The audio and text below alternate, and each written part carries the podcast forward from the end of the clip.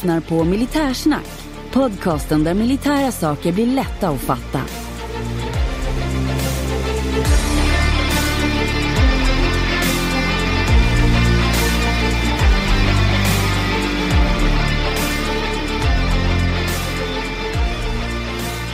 Jamen, ännu en gång. Jag har sån tur här i livet att jag får presentera nya avsnitt av Militärsnack lite titt som tätt. Och nu är det dags igen. Och den här gången ska vi prata om Sveriges veteranförbund.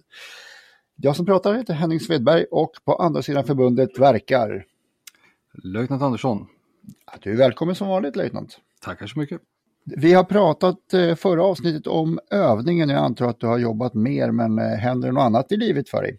Mm, ja, det gör det. Det händer väldigt mycket. Det är ju fullt upp eh, både på jobbet och på sidan av nu när det blir vår och försommar. Det är mycket att göra ute. Med hagar och, och gräsklippningar och eh, allt vad det nu kan vara. Så att eh, det är eh, mycket jobb och lite rast. Mm. Och sen får du hålla på och slita en massa extra med en gammal kinesisk fyrhjuling som inte vill gå igång. Mm. Jo, det stämmer, men det, det, kan man ju förvänta sig nästan när man köper en sån att de inte ska fungera särskilt länge. nej, men eh, vad är det för någonting? Ja, nej, det är en sån här eh, kinesisk eh, med lång motor.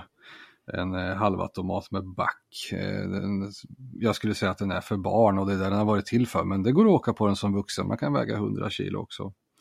Och nu eh, håller jag på och engagerar mig lite i den där, försöker få den att fungera. Jag har kompression och gnista och eh, jag får soppa men jag får den inte att gå riktigt.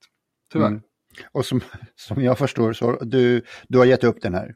Ja, det har jag gjort. Jag, jag, jag vill ju sälja den men eh, det är bra om, den, om jag skulle få den att gå. Men eh, det gör den inte. Ja, så alltså då kan den som vill köpa av dig höra av sig till militarsnackatgmail.com och lämna ett bud? Ja, men det kan man göra så kan man få köpa den här bättre begagnade. Det går säkert att få igång den. Ja. Man kanske har något liknande och då, det är väl en sån person som ska köpa den tycker jag, som vill plocka lite reservdelar. Mm. Ja.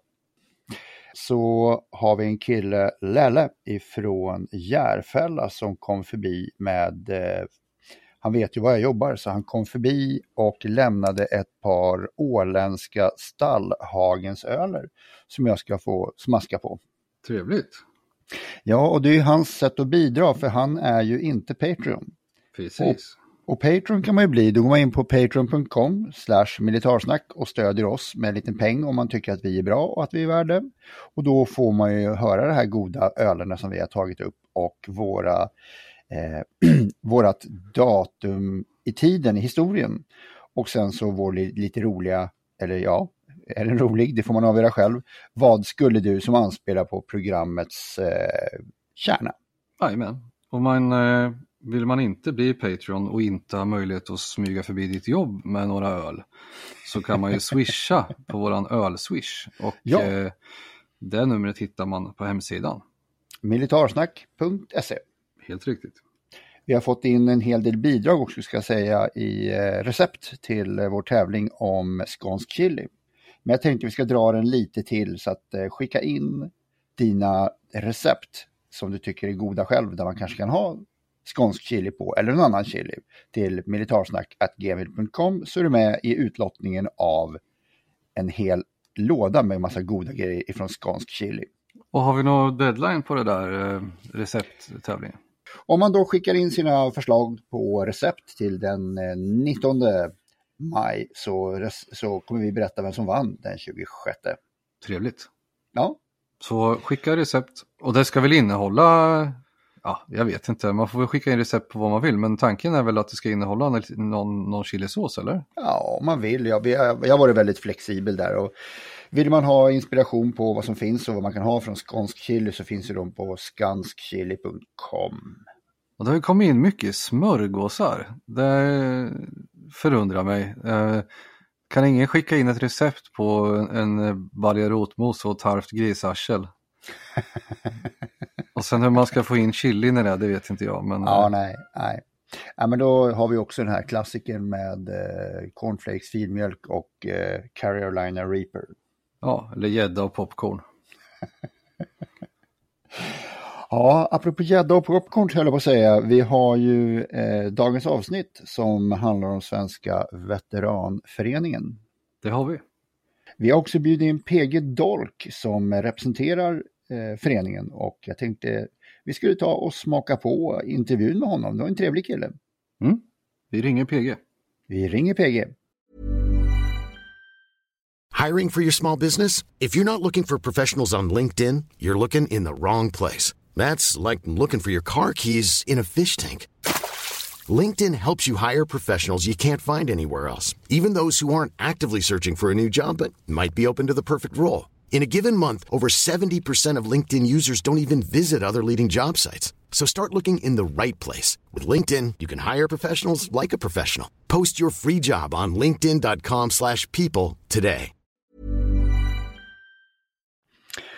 Ja, då sitter vi då här på länk med Per-Gunnar Dolk. Per-Gunnar, kan du börja med att presentera dig? Ja. Eh, vi kan ju börja med att eh, Per-Gunnar är det nog ingen som säger längre utan det är PG. Mm. PG eller Dolken. Ja. Eh, jag är 59 år gammal och eh, har gjort eh, fyra missioner själv har jag gjort.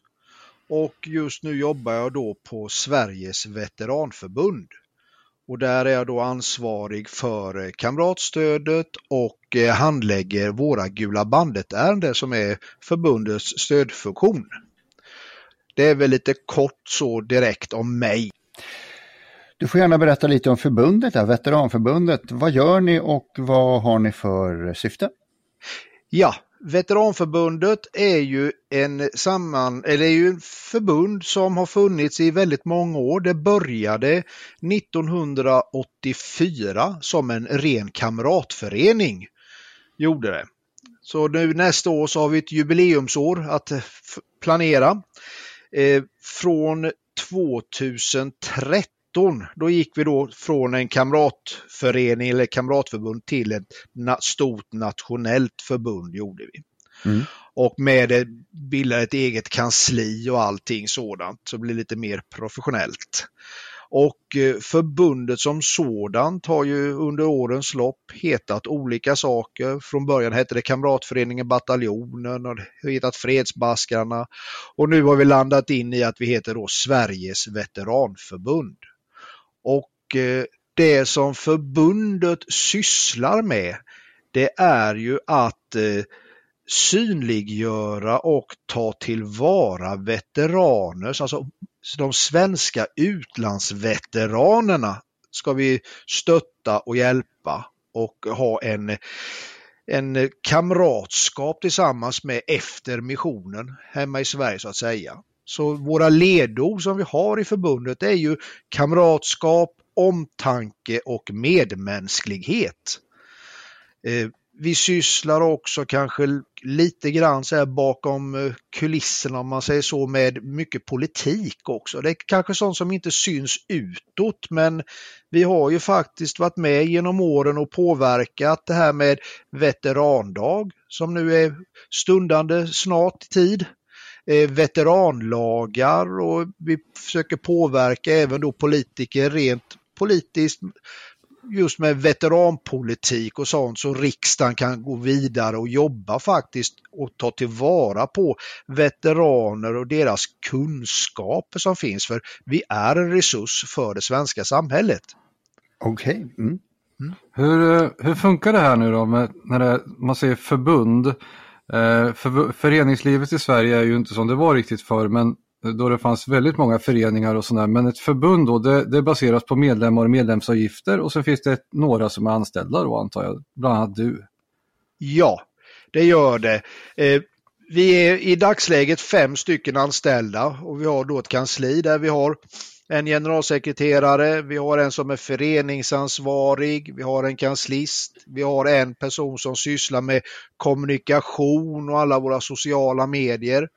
Och sen jag då som är då eh, ansvarig för kamratstöd och sånt. Så vi har lite olika roller inom kansliet har vi.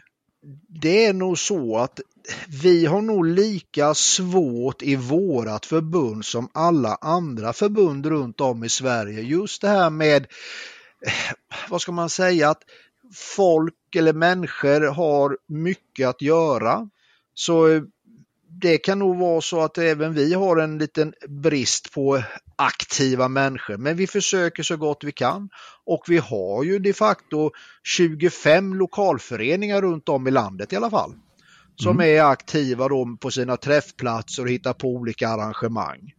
Vi har även eh, cirka 50 olika träffplatser också som man kan gå till. Så det, det händer saker runt om i landet och, och sen är vi ju så pass unika skulle jag vilja säga att vi är nog en av de få organisationerna i landet som faktiskt jobbar även för sådana som inte är betalande medlemmar hos oss. Vi jobbar mm. för hela veterankollektivet. Och det gör vi tack vare att vi har våra medlemsavgifter och sen har vi då ett statsbidrag också genom Försvarsmakten. För vi är ju en av Försvarsmaktens samarbetspartner just för att stötta veterankollektivet som finns runt om i landet. Mm. Så det, det, brukar jag trycka på att vi jobbar faktiskt även för de som inte är medlemmar. Naturligtvis så vill vi att alla ska bli medlemmar hos oss. För då får vi en ännu större Eh, säga, en, en större makt eller en, vi blir en större maktfaktor när vi pratar politik rent ut. Ja, det var intressant att så du, det, ni är inte en av de här 18 frivilligförbunden men ni är en samarbetspartner. Ja. Till Försvarsmakten, okej, okay. ja det visste jag faktiskt inte. Ja. Mm, intressant. Vi är ju egentligen vi är ju religiöst och politiskt oberoende så att säga. Och vi är inte en frivillig organisation så sett, utan vi är en ren samarbetspartner till Försvarsmakten. Precis som Invidzonen, Soldathemsförbundet, SMKR och eh, idrottsveteranerna. Mm, mm. Jag tänkte så här, vad föranledde själva startandet av förbundet? Var det någonting man såg som behövdes och i så fall vad? Ja, jag har ju själv haft förmånen att prata med de här äh, äldre gentlemännen som startade förbundet eller kamratföreningen en gång i tiden. Och det var ju så att de var sex stycken. De kom hem från en mission och äh, de själva tyckte att oj, vad tomt det blev när vi kom hem. Var är alla våra kamrater? Det här måste vi göra någonting åt. Så det var de sex då som drog igång det här. Vi måste få igång en kamratförening helt enkelt. Och det var då nere i Värnamo de startade. Så de satte sig där, diskuterade ihop och på den vägen är det. Så det var för att kunna behålla kamratskapen var det. Helt mm, enkelt. Var, var det någon speciell mission som var till grunden för det? Eh, nej, det var ingen speciell mission utan de, det var att de kom hem från en mission som de hade varit på helt enkelt. Och de själva hade varit på Sypen. Men det var mm. inget speciellt just med missionen var det inte. Utan de saknade kamratskapen helt enkelt. För det, det blir ju en väldigt tät kamratskap när man är ute på mission. Det vet nog alla som har gjort det att man jobbar tillsammans, man äter tillsammans, man sover tillsammans, man gör allting tillsammans. Och då blir det, kan det bli en viss eh, tomhet när man kommer hem och ska återgå till det civila livet. Mm. Sen så är det ju också en skillnad på eh, hur det var förr och hur det är nu. Vi kan ju säga då att eh, förbundet som sådant, många av våra medlemmar är sådana som gjorde FN-tjänst när det var frivilligt att söka. Innan värnplikten försvann och innan det blev fast anställd personal i Försvarsmakten. Och de kom ju definitivt från det civila och åkte tillbaks till det civila när de har gjort mission. I dagsläget, eller sedan 2010, de som har åkt på mission då, de har ju åkt iväg och sen har de kommit hem till sitt regemente och fortsatt med sina militära kollegor. Så det har varit en helt annan situation för dem än det har varit för de äldre. Mm. Och jag kan tänka mig att debriefing eh, rutinerna är helt annorlunda idag än vad de var då också. Oh ja, det är väldigt stor skillnad är det. Jag har ju erfarenhet av mina missioner. Några var det ingen debriefing överhuvudtaget. Någon så fick man göra ett stresstest. Sen var det inte mycket mer. Mm. Så man kom hem och sen avrustade man och sen åkte man hem. Mm. Nu när de kommer tillbaks så har ju Försvarsmakten byggt upp ett helt annat nätverk och ett helt annat program för debriefing och allting. Så det är helt mm. annorlunda i dagsläget. Och det finns säkert mer att göra där, men man har ju kommit längre i alla fall. Det, så är det. Ja. Eh, sen är det ju inte alla som du säger, det finns ju fortfarande, eh, säger vi till lyssnarna då, det finns ju folk som fortfarande kommer in och gör en mission och inte jobbar som eh, anställd. Jo, det gör det, men de Men, eh, är betydligt färre än vad de var förr. Ja, förr var det ju samtliga i stort sett. Ja, utan, ja, eh, precis. och nu, nu- är det färre, så är det. Mm. Men eh, jag är lite nyfiken på, när du, har du jobbat som eh, officer eller har du gjort eh, efter värnplikten dina missioner och vilka missioner har du varit på? Om du vill så får du gärna berätta. Jag har ju gjort värnplikten då har jag gjort och därefter så blev jag lite intresserad. Min bror, min lillebror faktiskt, eh, hade gjort en mission eller ett par missioner innan i Libanon. Vi hade pratat lite och tänkte, ja vad fasen, det ska jag väl testa på det också. Så jag åkte iväg på 100L av 89. Och eh, Vad är trivdes så bra. 100L? Ursäkta? Vad är 100L? Det är alltså det, det är ett missionsnummer som de har. Så L står för Libanon. Ah, Okej. Mm. Och varför det är 100 det, det kan jag faktiskt inte svara på. för det började inte på ett. Nej, Nej, så jag åkte ner där på 100 och eh, jag tyckte om hur det var där nere i Libanon och eh, jag begärde eller frågade om jag fick stanna kvar. Ytterligare en sväng. Så jag blev kvar 13 månader i Libanon totalt. Och sen så eh, åkte jag hem, kom hem igen och sen blev jag faktiskt eh, tillfrågad om jag ville åka ner på en eh, mission som skulle starta upp i Jugoslavien, Balkan. Och det var då innan de stora bataljonerna, det var den som kallades eller heter då JK01. Så vi var eh, bara ett kompani från Sverige. Och jag åkte ner i den förstyrkan som gick ner till Sarajevo var det då. Så vi åkte ner 20 svenskar och 20 norrmän med ett flygplan. Så vi hann vara i Sarajevo två, tre veckor innan eh, så att säga kriget började i Sarajevo. Så det, den erfarenheten. Sen efter den missionen, där fick vi flacka runt lite både till Kroatien och Serbien och vi var i Bosnien. Så eh, kom jag hem, var hemma ett tag och sen så tänkte jag att eh, nej, jag ska nog ta en sväng till för att få bli mätt på det hela så att säga. Och då sökte jag till eh, den andra Bosnienbataljonen BA02. Så det var den sista turen jag gjorde. Nu är det ju många år sedan. Närmare bestämt 29 år sedan blir det om jag räknar rätt.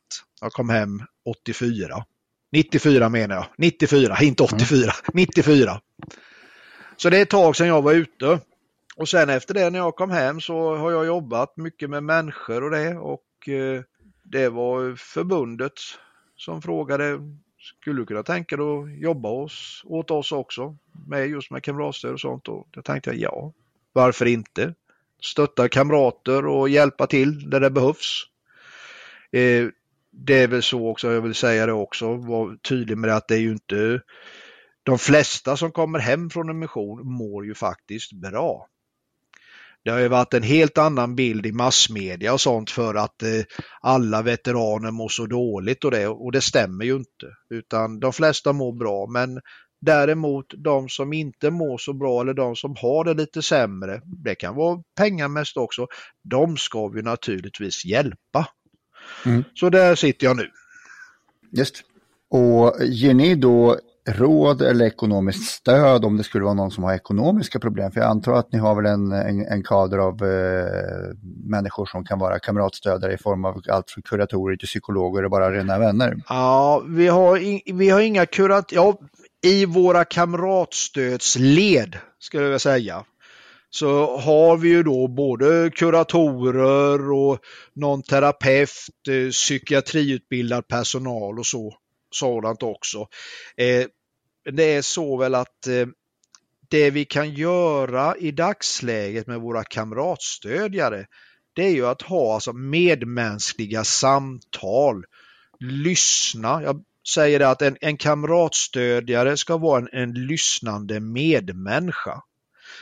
Sen så kan man ju då komma med tips och tricks och stöttning för att den som kontaktar oss ska kunna komma vidare i den situationen den personen har hamnat i.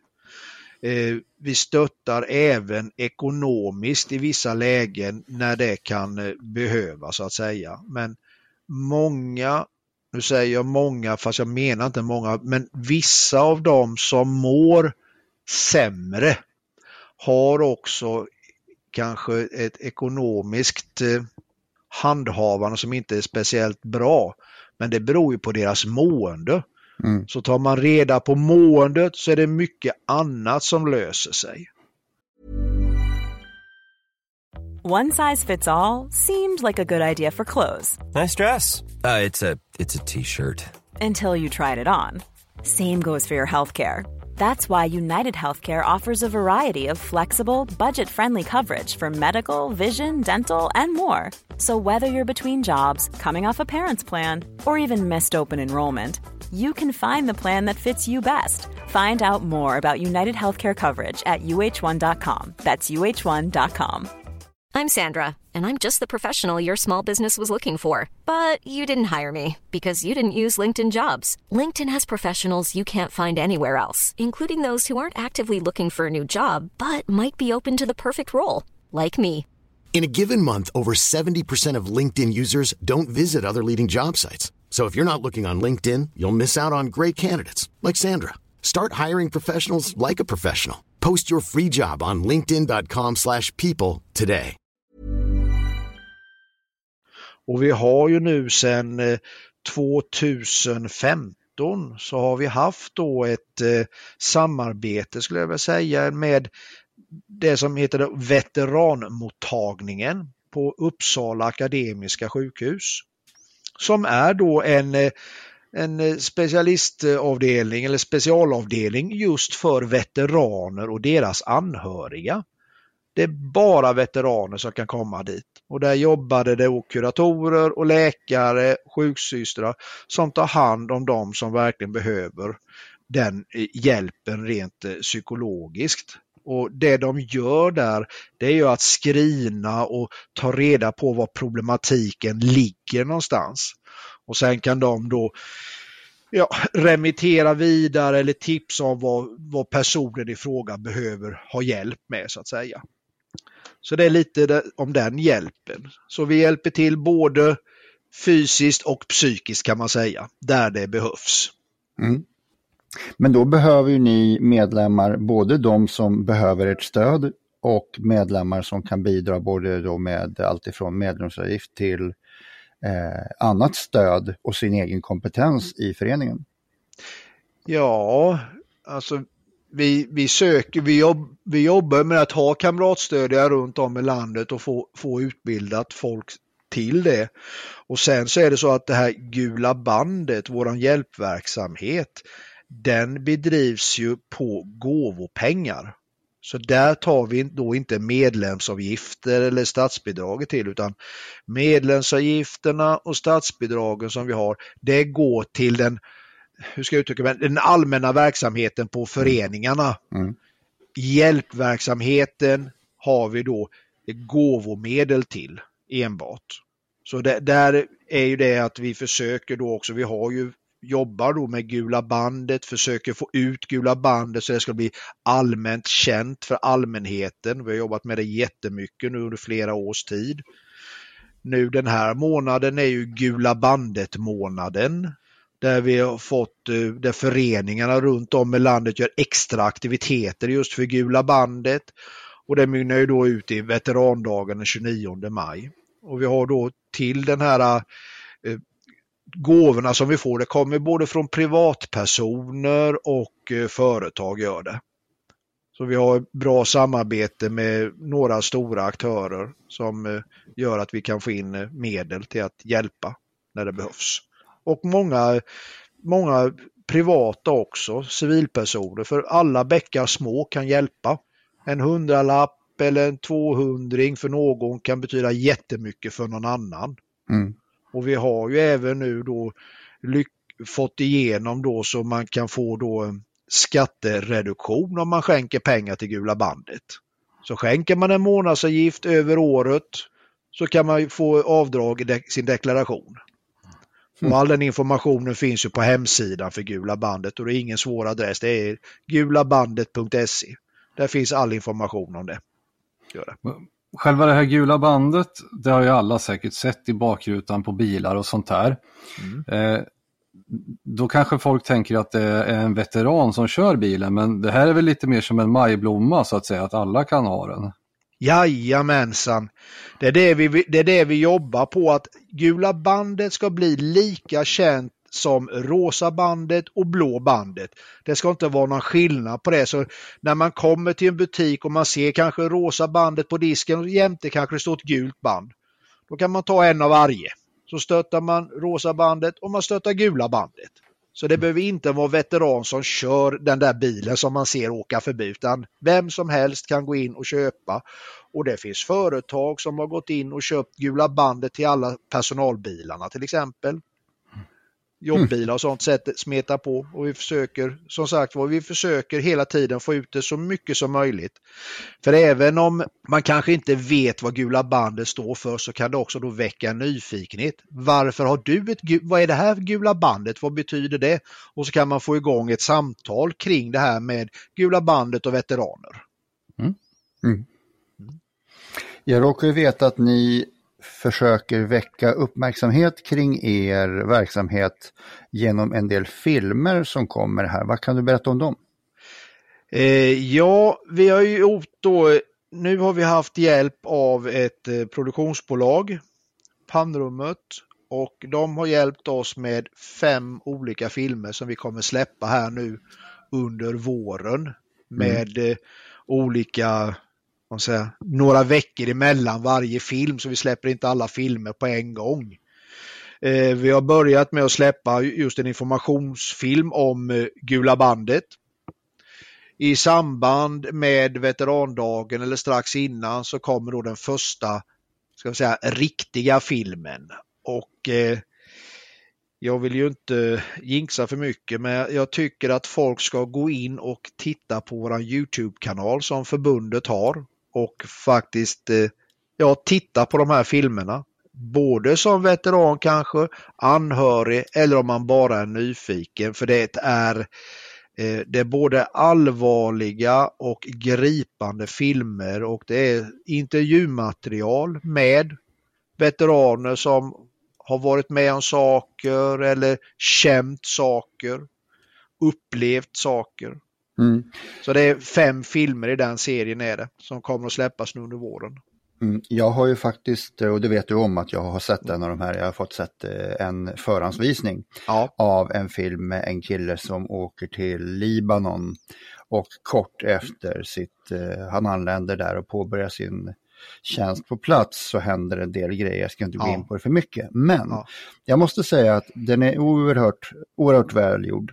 Den är gripande och eh, fin. Det är en ja. mycket bra produktion ska jag säga. Ja, ja det tycker vi. Jag, tror, jag tycker vi har hamnat helt rätt med det produktionsteamet och alla de som varit inblandade där. Och eh, alla filmerna har lika hög eh, kvalitet som du, som du tycker och uttrycker där. Sen kanske det inte är just eh, lika allvarligt i alla filmerna, men alla filmerna berör, gör de. De mm. berör mm. på djupet, gör de. Ja, det, som sagt den, den, var fin och eh, jag längtar verkligen till att få se nästa film så att jag kommer definitivt hänga på låset eller vad säger man, hänga på muset och tangentbordet. Ja, ja precis. ja. Och när kom de ut de här då sa vi? Ja, när filmerna släpps? Jo, den som jag sa då, den första filmen som inte är en informationsfilm då kommer att komma den 26 femte. Sen eh, någon gång under vecka 24 så släpper vi nästa film. Sen kommer det komma en i vecka 26. Ytterligare en film i vecka 30-31 och sen den sista filmen i vecka 33 eller 34. Så de är utspridda över hela sommaren så man ska hinna titta på dem i lugn och ro och fundera och sen kunna längta efter nästa film mm. när den mm. kommer. Ett annat filmtips, jag tänkte när du sa att du hade varit på 02 där, BA02, då tänkte jag på Det finns ju en, det är väl en SVT-dokumentär, Tangolima mellan krig och fred. Ja, sen, sen, är inte det, sen är inte det 02, jag vet inte vilken. Det är ettan det. Det är 01, ja. Mm. ja. Det är P10 som äh, åker iväg i alla fall om ja, jag inte minns det fel. Det är det. Då kan man ju få en uppfattning om hur det, hur det var.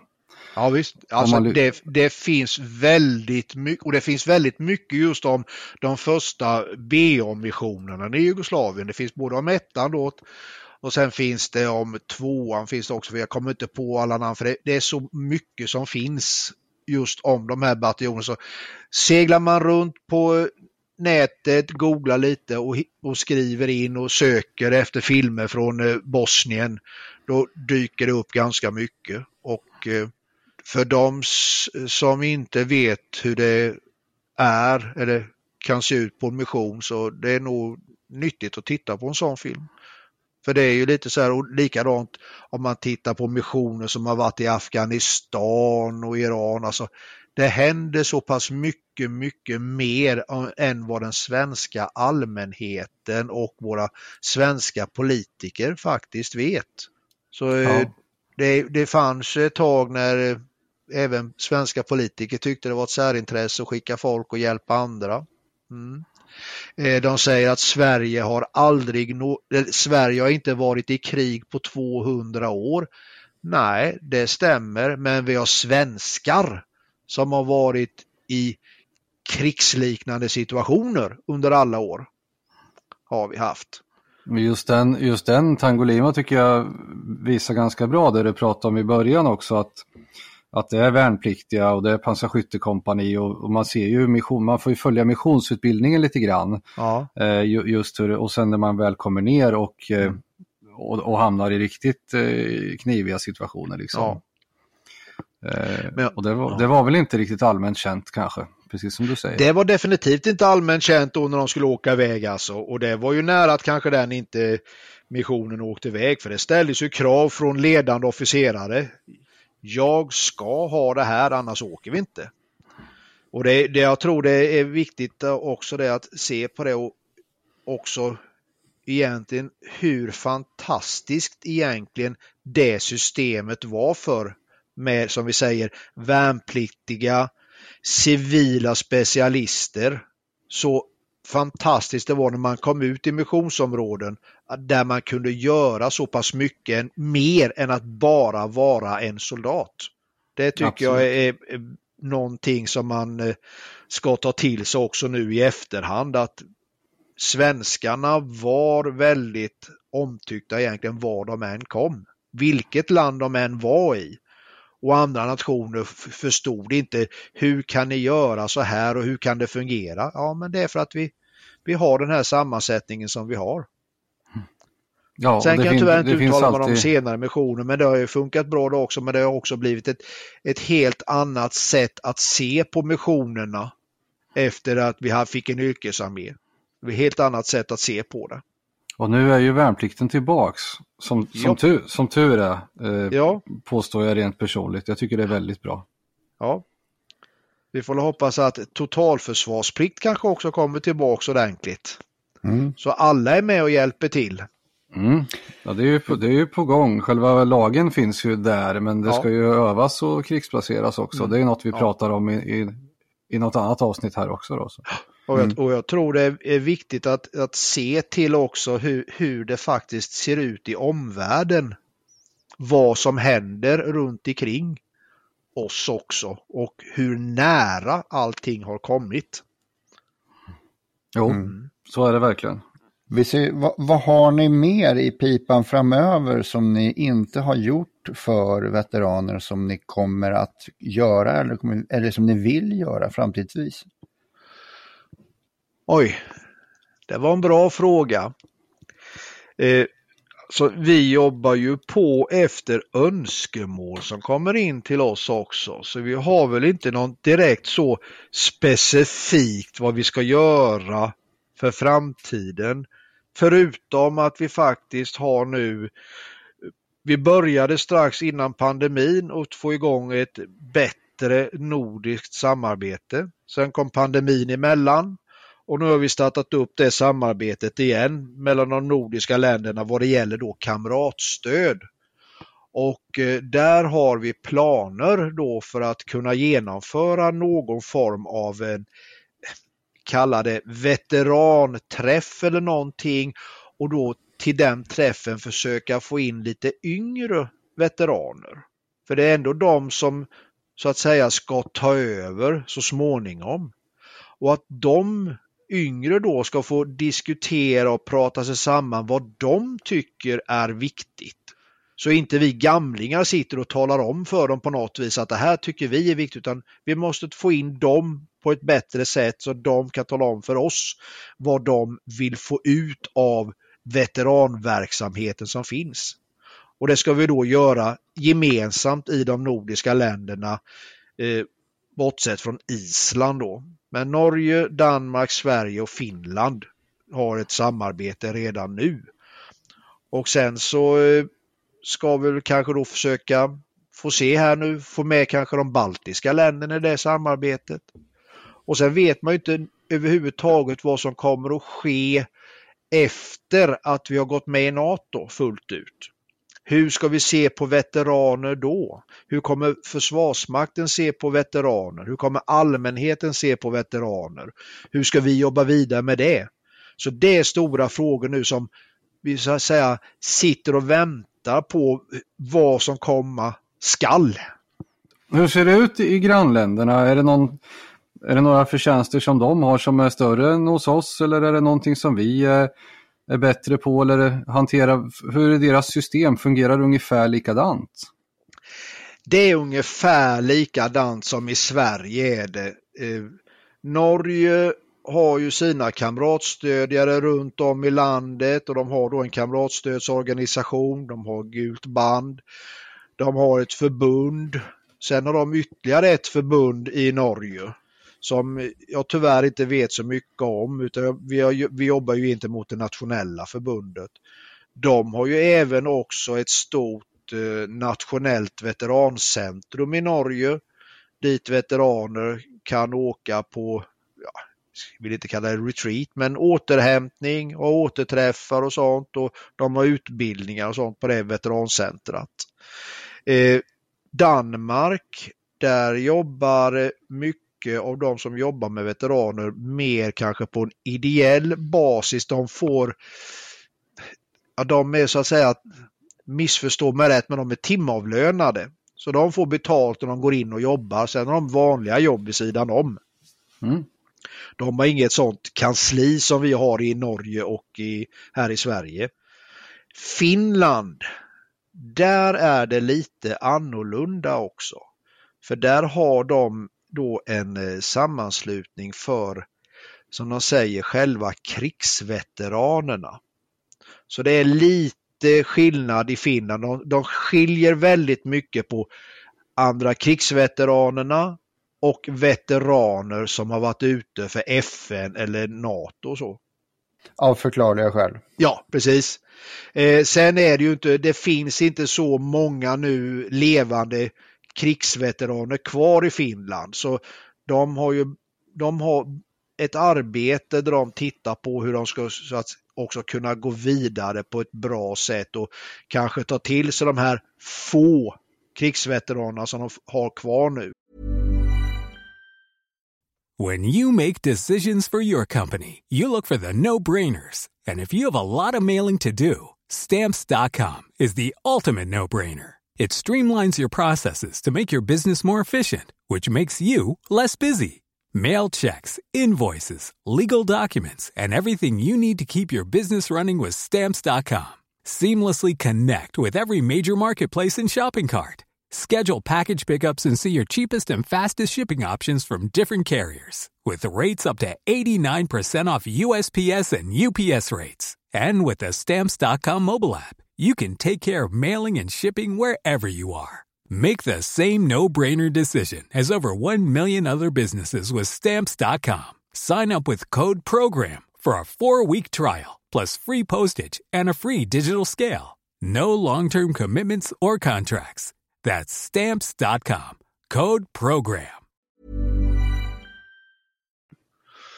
Och eh, även jobbar då gentemot allmänheten i Finland där.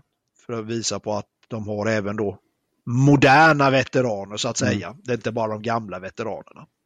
Men i stort sett så är det lika i de olika länderna och, och, vi tar hjälp av varandra. Vi ger varandra tips och tricks, gör vi, löpande.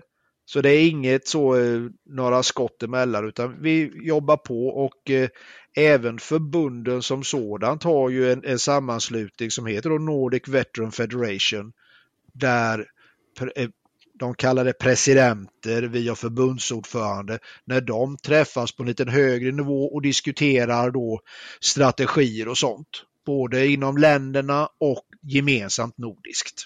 Om man nu har lyssnat på det här och tycker att man vill bidra, om man kanske har varit på mission själv, då går man in på er hemsida antar jag? Ja, det är mycket enkelt att bli medlem i dagens läge är det när vi har dataåldern. Mm. Man går in på vår hemsida sverigesveteranförbund.se och där står det högst upp bli medlem och så följer man bara instruktionerna och man kan betala direkt med swish eller kort eller någonting. Så blir man medlem direkt på sekunden när man har tryckt på rätt knapp. Mm. Och så får man välkomstbrev hemskickat med mer information. Vi har medlemstidningen som kommer ut med fyra nummer per år. Det är tips och sånt också i den. Och, och jag händer. då som, som, inte har varit på mission till exempel, hur kan jag bidra via gula bandet då? Eh, även om du inte har varit på mission så kan du faktiskt bli stödmedlem i förbundet. Mm. Det är många som tror att de inte kan bli det men det är så att för att vara en så att säga en fullvärdig medlem med rösträtt så ska man vara veteran. Men vem som helst kan bli stödmedlem både som privatperson eller om man är ett företag eller en sammanslutning kan man bli stödmedlem till förbundet. Och det, mm. det ser man också när man går in på vår hemsida och följer instruktionerna. Mm. Så det är inga konstigheter där heller, är det inte. Och är det så att man bara, eller bara är det inte, utan är det så att man vill stödja Gula bandet och den verksamheten Antingen går man via vår hemsida eller så kan man klicka in direkt på Gula bandets hemsida och det är gulabandet.se och där kan man då köpa eh, eh, pins och klistermärken eller man bara kan ge gåvor direkt in till vi, Gula bandet. Vi lägger in länkarna i avsnittsbeskrivningen för den som är nyfiken. Ja, det låter jättebra. Det gör vi. Men PG, Mm. Då har vi lyssnat på dig och eh, du har berättat om eh, er, er, organisation, eh, Svenska Veteranförbundet och Gula bandet. Mm. Och jag tycker ju att de som är intresserade och nyfikna och vill stödja sån här verksamhet ska gå in till er och bli stödmedlemmar och medlemmar och även stödja Gula bandet. Alla är välkomna, stora som små. Och med det så tackar vi dig så mycket. Tack själva för att jag fick eh, vara med här på den här podden. Ett rent nöje. Tackar så mycket. Ja, och där har vi hört eh, PG från eh, Veteranförbundet. Man pratar lite grann om förbundet och eh, även Gula bandet. Just. Trevligt samtal. Ja, han var inte så svår att få att prata i alla fall. Nej, det var, det, det var ett självspelande piano. Det är alltid tacksamt när gästerna är sådana. Jo, men folk som brinner för sin sak är alltid roliga att lyssna på. Mm. Så är det ju och det brukar ju bli så generellt att eh, mm. det snurrar på ganska så bra. Ja, men vad intressant, bra, viktigt och vettigt ämne. Ja, jag tycker att man ska gå in på deras hemsida och eh, bli stödmedlem åtminstone. Absolut, eller åtminstone köpa en majblomma då så att säga, som jag uttryckte mig. Ett eh, litet gult band, det är ju det absolut minsta man kan göra. Mm. Nej men löjtnant, jag tycker att vi har ett bra avsnitt även denna fredag. Tycker jag med. Så då tackar vi oss själva och vi tackar våra lyssnare. Det gör vi. Tackar så mycket. Tackar. Hej hej. Hej då.